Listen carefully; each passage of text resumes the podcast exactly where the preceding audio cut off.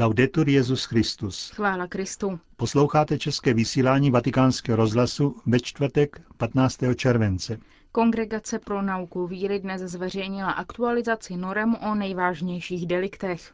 Mladí z italské Fajenci v Polsku rozlišují svá povolání. A na závěr se dozvíte, co před sedmi lety změnilo Evropu. Zprávy vatikánského rozhlasu. Vatikán. Kongregace pro nauku víry dnes zveřejnila aktualizaci tzv. norem o nejvážnějších deliktech, což jsou opatření, která této kongregaci umožňují zasáhnout v případě deliktů proti svátostem Eucharistie a smíření a v případech sexuálního zneužívání spáchaného duchovními na mladistvích. Změny v dosud platné normativě schválil Benedikt XVI. 21. května. Mezi novinkami oproti předchozím je třeba zdůraznit ty, které umožňují rychlejší řešení, jako například nepostupovat formou soudního procesu, ale vydat mimo soudní dekret nebo v nejzávažnějších případech svatému otci podat návrh na propuštění z duchovního stavu. Další normou, která reaguje na vývoj situace v církvi, je to, že členy tribunálu, advokáty a prokurátory mohou být nově nejen kněží, ale i lajci. Analogicky k tomu není nutné, aby měli doktorát z kanonického práva. Požadovanou kompetenci mohou projevit i jinou odborností. Dále je potřeba zmínit prodloužení promlčecích lhůty z 10 na 20 let. I nadále je možné tuto lhůtu případně prodloužit. Na stejnou úroveň jako zneužívání mladistvých je postaveno také zneužívání osob s omezenou svéprávností. A nové je také definování trestního skutku získání držení a šíření dětské pornografie.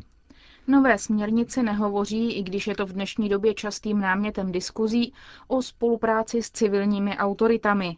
Normy se totiž týkají pouze kanonického trestního řádu, který je plně oddělen od trestního řádu jednotlivých států. Zde je potřeba zdůraznit to, co uvádí průvodce chápání procesů zveřejněný na stránkách svatého stolce, že co se týká předávání zločinů k soudům, je třeba následovat předpisy občanského práva. Pro úplnost je třeba dodat, že změny v normách o nejvážnějších deliktech se týkají také jiných témat. Do kompetence Kongregace pro nauku víry nově spadají delikty proti víře, tedy hereze, apostaze a schizma, které běžně spadají do kompetence ordinářů. Od nynějška je v těchto případech kompetentní řešit odvolání. Kompetenci mají také delikt nahrávání zpovědí a šíření těchto nahrávek, proti němuž byl vydán dekret už v roce 1988 a pokus o svěcení žen, proti němuž byl dekret vydán v roce 2007.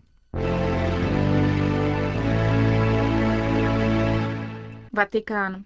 Sdělovací prostředky v uplynulých dnech uveřejnili posudek, který před pěti lety nechala vypracovat soudkyně předběžného vyšetřování Zaira Seky v procesu, který viní vatikánský rozhlas toho, že elektromagnetické záření z vysílačů v Santa Maria di Galleria a Marina Militare zapříčinuje zvýšený výskyt rakoviny lidí žijících v okolí. Podle posudků zveřejněného v médiích existuje vztah mezi vystavením těmto elektromagnetickým vlnám a zvýšeným výskytem leukémie.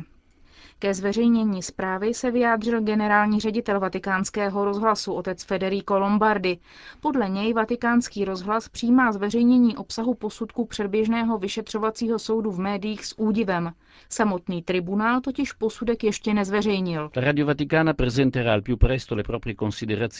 Vatikánský rozhlas v blízké době představí vlastní zprávu vypracovanou svými technickými poradci profesorem Umbertem Veronézim a doktorkou Suzanou Lagorio. Je třeba připomenout, že v mezinárodní vědecké literatuře v tomto oboru nebyla nikdy prokázána existence příčinného vztahu, jako ten, který má vyplývat z posudku, a tudíž ho nelze považovat za ověřený. V této souvislosti je také třeba znovu připomenout, že vatikánský rozhlas vždy dodržoval mezinárodní normy o elektromagnetických emisích a od roku 2001 po dohodě s kompetentními italskými autoritami dodržuje ještě přísnější limity, které stanovila nová italská normativa a pozorně respektuje všechny případné obavy obyvatelstva. Reaguje ředitel vatikánského rozhlasu otec Federico Lombardi na zveřejnění posudku o vlivu elektromagnetického záření.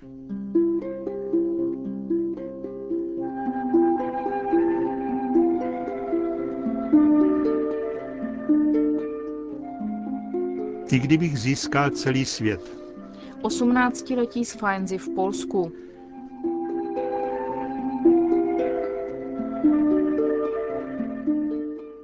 Jak vykonat rozlišování a správnou volbu životního povolání?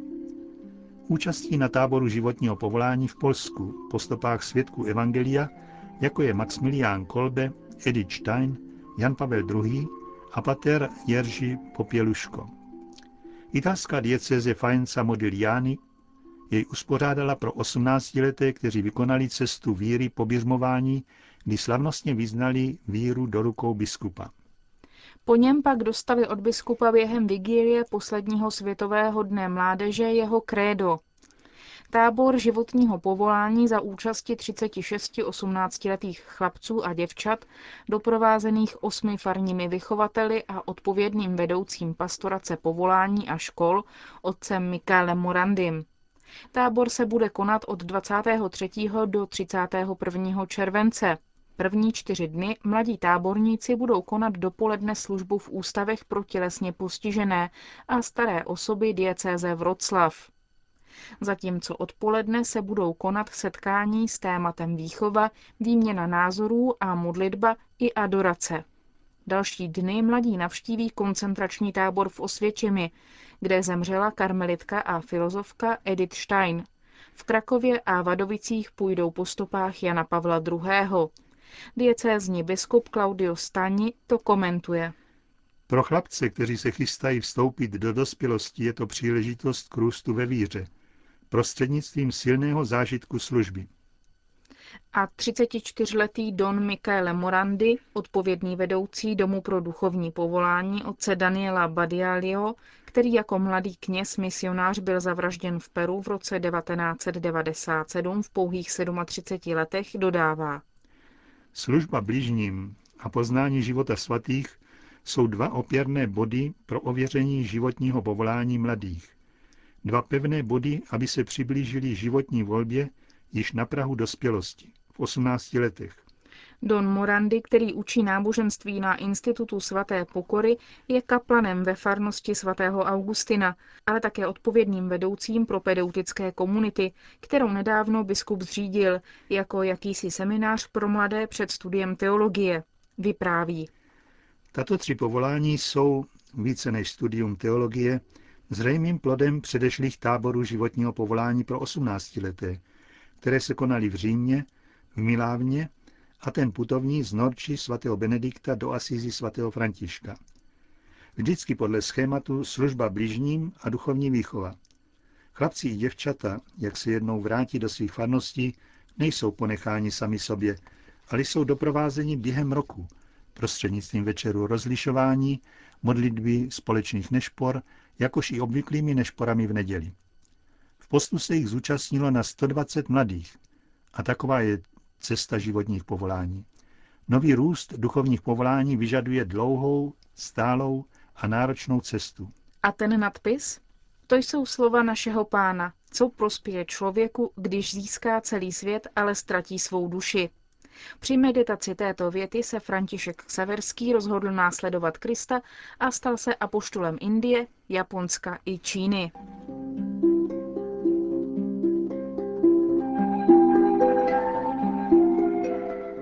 To byl náš sloupek s titulem I kdybych získal celý svět.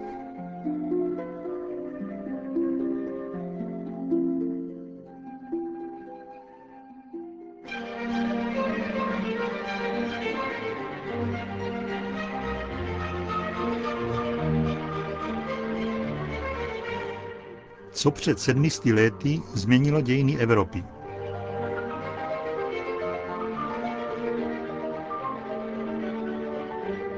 15. července 1410 se strhla u Tanebergu, dnešní Grünwald, rozhodující bitva mezi vojsky řádu německých rytířů, vedených jejich velmistrem Ulrichem von Jungingem a polsko-litevskými šiky. Na bojišti zůstalo zmasakrovaných několik tisíců vojáků, včetně velmistra Ulrika. V této bitvě se také poprvé užilo ohnivých chřtánů, to je primitivních kanónů, Po této vítězné bitvě se zažehnula národní hrdost Poláků, kteří dokázali přemoci dosud neodolatelnou sílu vojsk německých rytířů, kteří se vrhali do bitevní řeže v bílých pláštích s černým křížem a s pokřikem Christus resurrexit. Připomenout toto datum, ohniskové pro vytvoření národní totožnosti Polska, ale i Německa, jak to líčí Sienkevičův román Křižáci, Slouží nejen k tomu, aby se nezapomínalo na tento řád, který vznikl v San Giovanni d'Acri 1190 zásluhou skupiny občanů z Brem a Libeku, ale byl i nástrojem německé expanze do slovanských zemí, jak to označoval titul knihy Karola Gorského z roku 1971, začátek pruského státu. Jeho podobenství je symbolické. Od zaležení na podporu křižáků ve svaté zemi k různým tažením která zapojila bratrstvo do boje proti nevěřícím, když jim Inocent III. 1199 dovolil, aby se chopili zbraní. Brzo na to je Honorius III. 1221 postavil naroveň templářům a špitálníkům se statuty podobnými dominikánům. Němečtí rytíři byli povoláni uherským králem a polským vévodou, aby bojovali proti Kumánům a Prusům.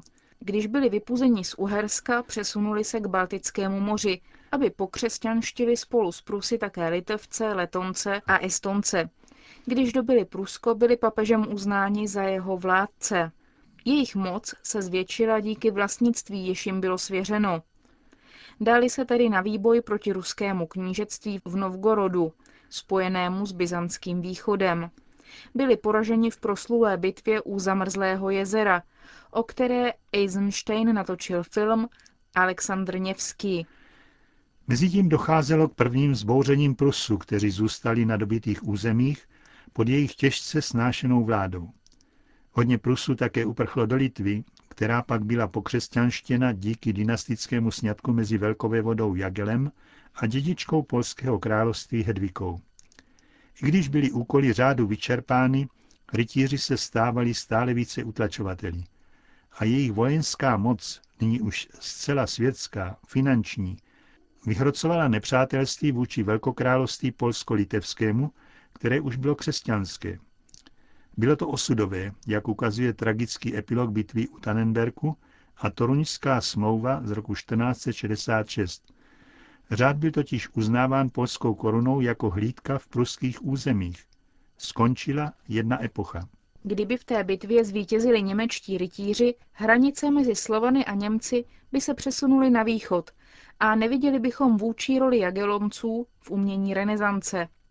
Když se podíváme do moderního Německa, je třeba připomenout, že velmistr Albert z Brandenburgu přijal Luterovu reformu a proměnil pruský stát spravovaný řádem na dědičné vévodství. Takovou sekularizaci napodobovali leckteří biskupové na severu Německa – ale to je jiná historie.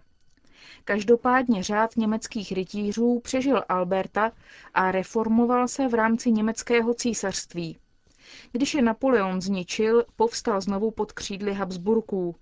Nakonec došlo k obrození, když jej v 19. století svatý stolec přeměnil do původní podoby.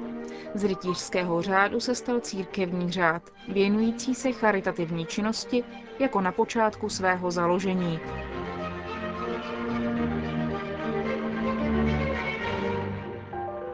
Tolik naše poznámka, co před sedmisty lety proměnilo dějiny Evropy.